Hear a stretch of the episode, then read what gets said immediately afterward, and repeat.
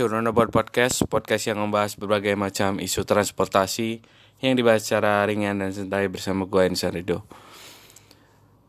Selamat datang di Roundabout Podcast di tahun 2020 uh, Tidak banyak perubahan yang akan terjadi di 2020 sepertinya Tapi setidaknya ada intro baru dari uh, Roundabout Podcast di tahun ini. Semoga bisa ngasih semangat-semangat baru untuk Roundabout Podcast.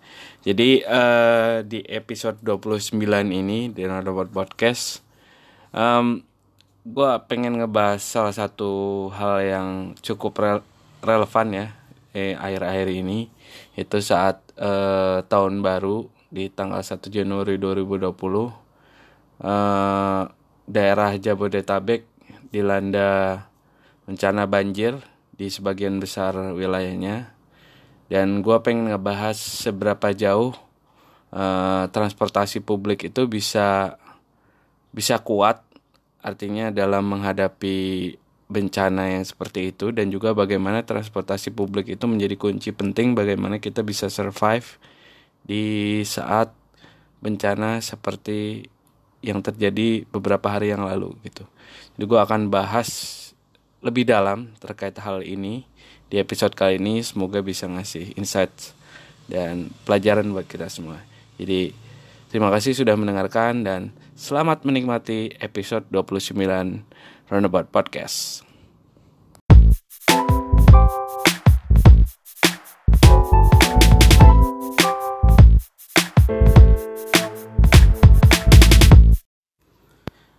Oke, okay, uh, eh, kembali di Roundabout Podcast. Ya, jadi tadi gue sempat bahas terkait bencana yang kita hadapi bersama di daerah Jabodetabek ini selama mungkin dua hari ya.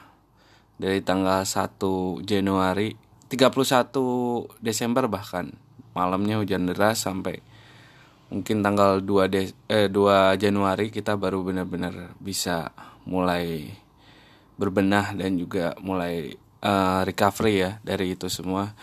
Dan yang gua telaah selama dua hari adanya bencana ini adalah ternyata kita itu sangat uh, mudah sekali uh, untuk dihancurkan dalam tanda kutip dengan adanya banjir ini dan banyak sekali uh, masyarakat yang terdampak dari hal ini gitu dan tidak tidak menutup juga bahwa transportasi publik pun terkena dampak yang cukup signifikan gitu di daerah Jabodetabek gitu. Tentunya yang seperti kita tahu bahwa jaringan transportasi publik di Jabodetabek itu banyak ditopang oleh uh, beberapa moda ya. Seperti Transjakarta, lalu juga KRL komuter line, uh, mungkin kereta api bandara dan juga beberapa uh, transportasi publik lainnya dan yang kita lihat selama beberapa hari ke belakang bahwa ternyata banyak sekali dampak yang terjadi untuk uh, operasional dari misalnya Transjakarta atau KRL komuter lain yang harus mungkin dengan terpaksa disesuaikan dengan keadaan yang memang sulit gitu. Dan um, yang pengen gue bahas kali ini adalah bagaimana uh, seharusnya mungkin ya public transport itu bisa lebih resilient.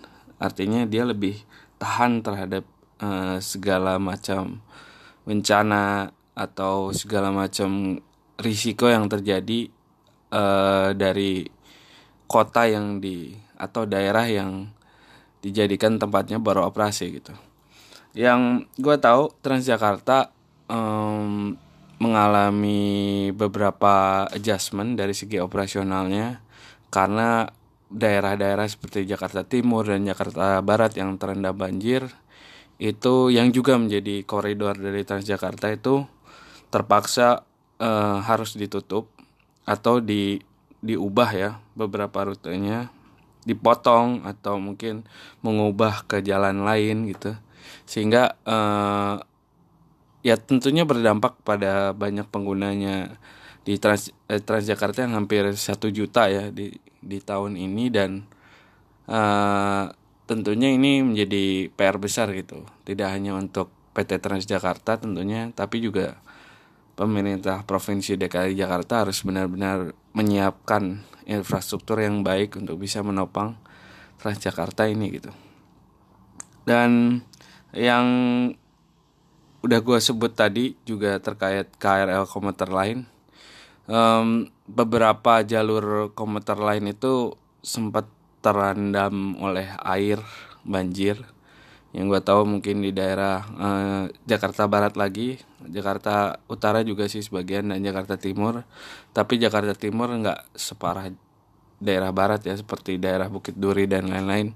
Itu sampai terendam relnya terendam oleh air banjir sehingga ya tentunya demi keselamatan juga harus ditutup atau tidak dioperasikan secara secara total gitu. Dan ya apa ya e, membuat transportasi publik yang benar-benar resilient terhadap e, segala macam bencana yang ada itu memang tidak mudah gitu ya. Indonesia ini memang seperti yang kita tahu punya banyak jenis bencana yang sudah kita hadapi selama bertahun-tahun. Bukan hanya banjir tapi juga gempa lalu juga uh, angin mungkin ya dari segi angin ribut angin puyuh dan lain-lain. Dan kita harus bisa siap untuk menghadapi semua hal ini gitu segala hal kemungkinan ini. Ditambah dengan adanya perubahan cuaca yang sangat uh, signifikan sehingga tentunya ini semakin tidak terprediksi gitu kapan terjadinya.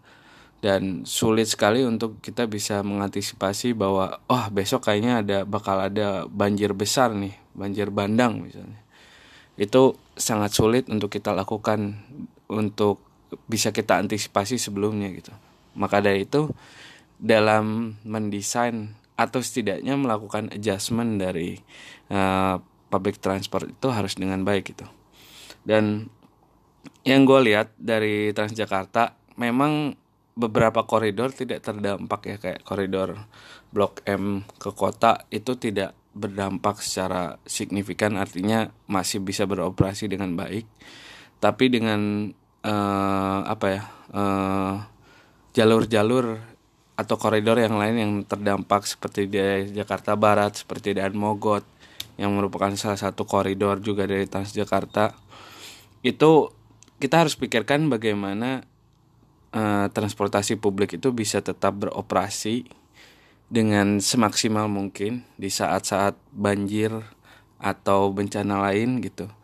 Bagaimana kita bisa me mensterilkan si jalur Transjakarta itu dengan mungkin drainase yang baik juga, mungkin perlu ada adjustment dari sisi drainase jalan dan juga hmm, dari sisi mungkin manajemen rutenya secara lebih baik agar uh, dampaknya itu tidak terlalu besar dirasakan oleh masyarakat. Tentunya transportasi publik itu penting banget di saat uh, uh, apa ya terjadinya bencana karena ya orang-orang mengakses jalan pun dengan kendaraan pribadi akan sangat sulit transportasi publik itu akan tetap menjadi pilihan utama bahkan mungkin pilihan satu-satunya gitu untuk mereka bisa bisa beraktivitas lagi untuk bisa melakukan recovery dari semua bencana yang sudah mereka hadapi gitu. Dan itu penting sekali. Dan juga mungkin dari sisi komuter lain uh, walaupun memang komuter lain menggunakan uh, tenaga dari listrik aliran atas yang mungkin relatif lebih aman dibandingkan mungkin jika listriknya dialirkan lewat bawah seperti third rail tapi tetap saja ada concern dari sisi prasarana mungkin bagaimana nanti track atau jalur dari kereta itu akan tetap aman dengan adanya air yang mengenang. Tentunya tidak bisa kita pastikan secara 100% bahwa uh, dari sisi infrastruktur atau prasarananya akan tetap berada pada kondisi yang baik gitu. Dan uh, mungkin itu gambaran dari transportasi publik yang ada di Jakarta. Yang memang belum gue sebut adalah MRT Jakarta yang uh, remarkably itu hampir mungkin hanya mengalami minor uh, disruption aja mungkin ya. Tidak ada impact yang secara besar. Dan gue sangat appreciate hal itu. Dan gue akan coba bahas nanti mungkin di sisi di sesi selanjutnya. Dan mengapa MRT Jakarta itu sudah sangat baik dan uh, mungkin kita bisa belajar transportasi publik yang lain di Jakarta. Dan juga um, mungkin pelajaran dari negara-negara lain terkait uh, kesiapan dari public transport menghadapi bencana semacam ini. Jadi gue akan bahas di segmen selanjutnya. Jadi tetap stay tune di Roundabout Podcast.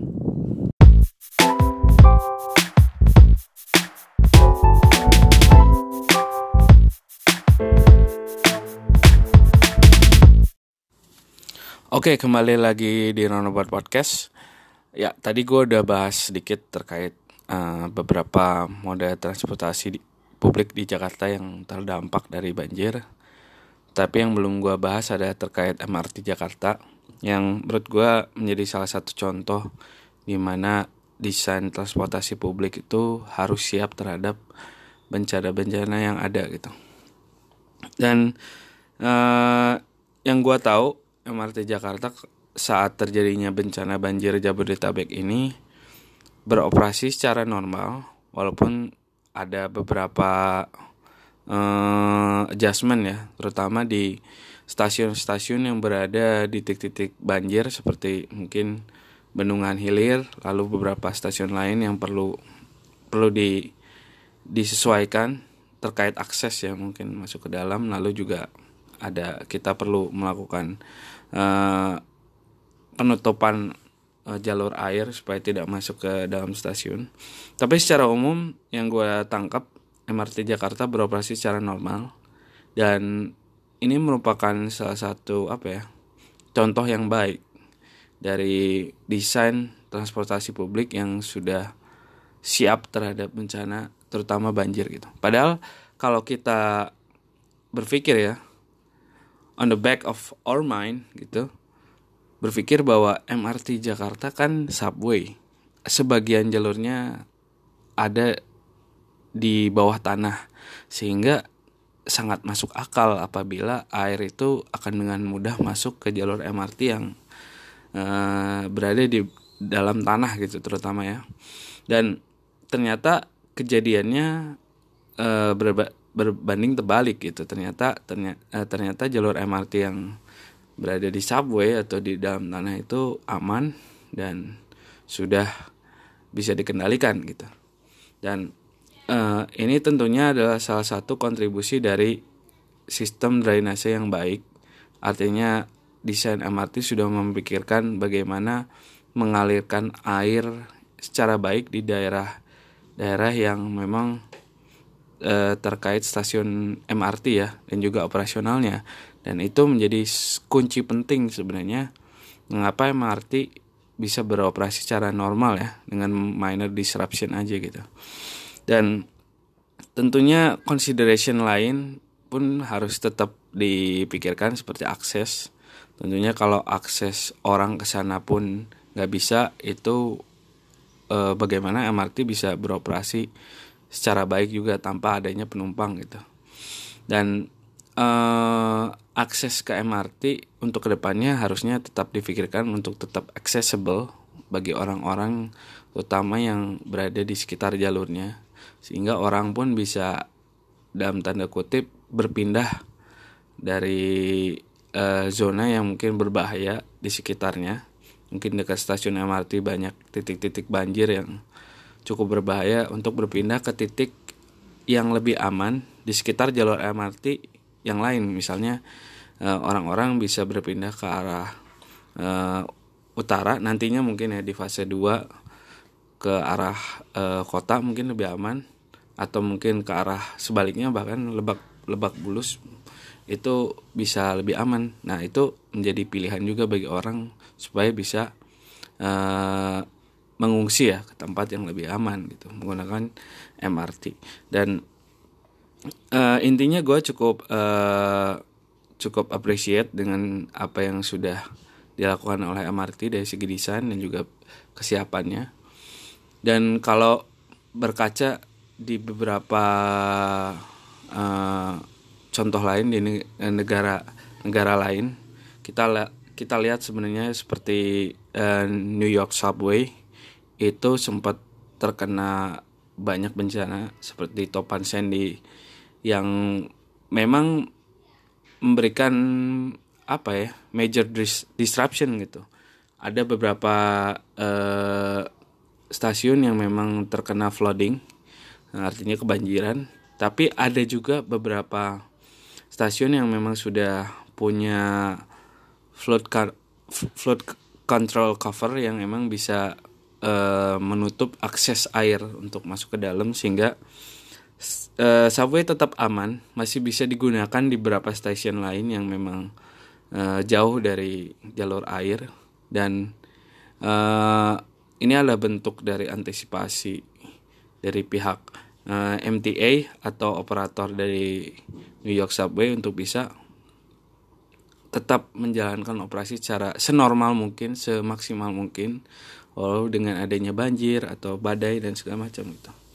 Dan lagi-lagi uh, di Indonesia di tempat yang sangat uh, sangat besar terjadi bencananya, kita harus siap untuk bisa mengantisipasi hal-hal seperti ini agar transportasi publik tetap kuat, tetap kokoh dalam suasana yang penuh uh, apa ya uh, bencana gitu ya sehingga eh, orang-orang masih tetap bisa berpergian, bisa mengungsi, bisa berpindah ke tempat yang lebih aman dengan menggunakan uh, transportasi publik. Jadi mungkin segitu dulu dari episode pertama Roundabout Podcast di 2020.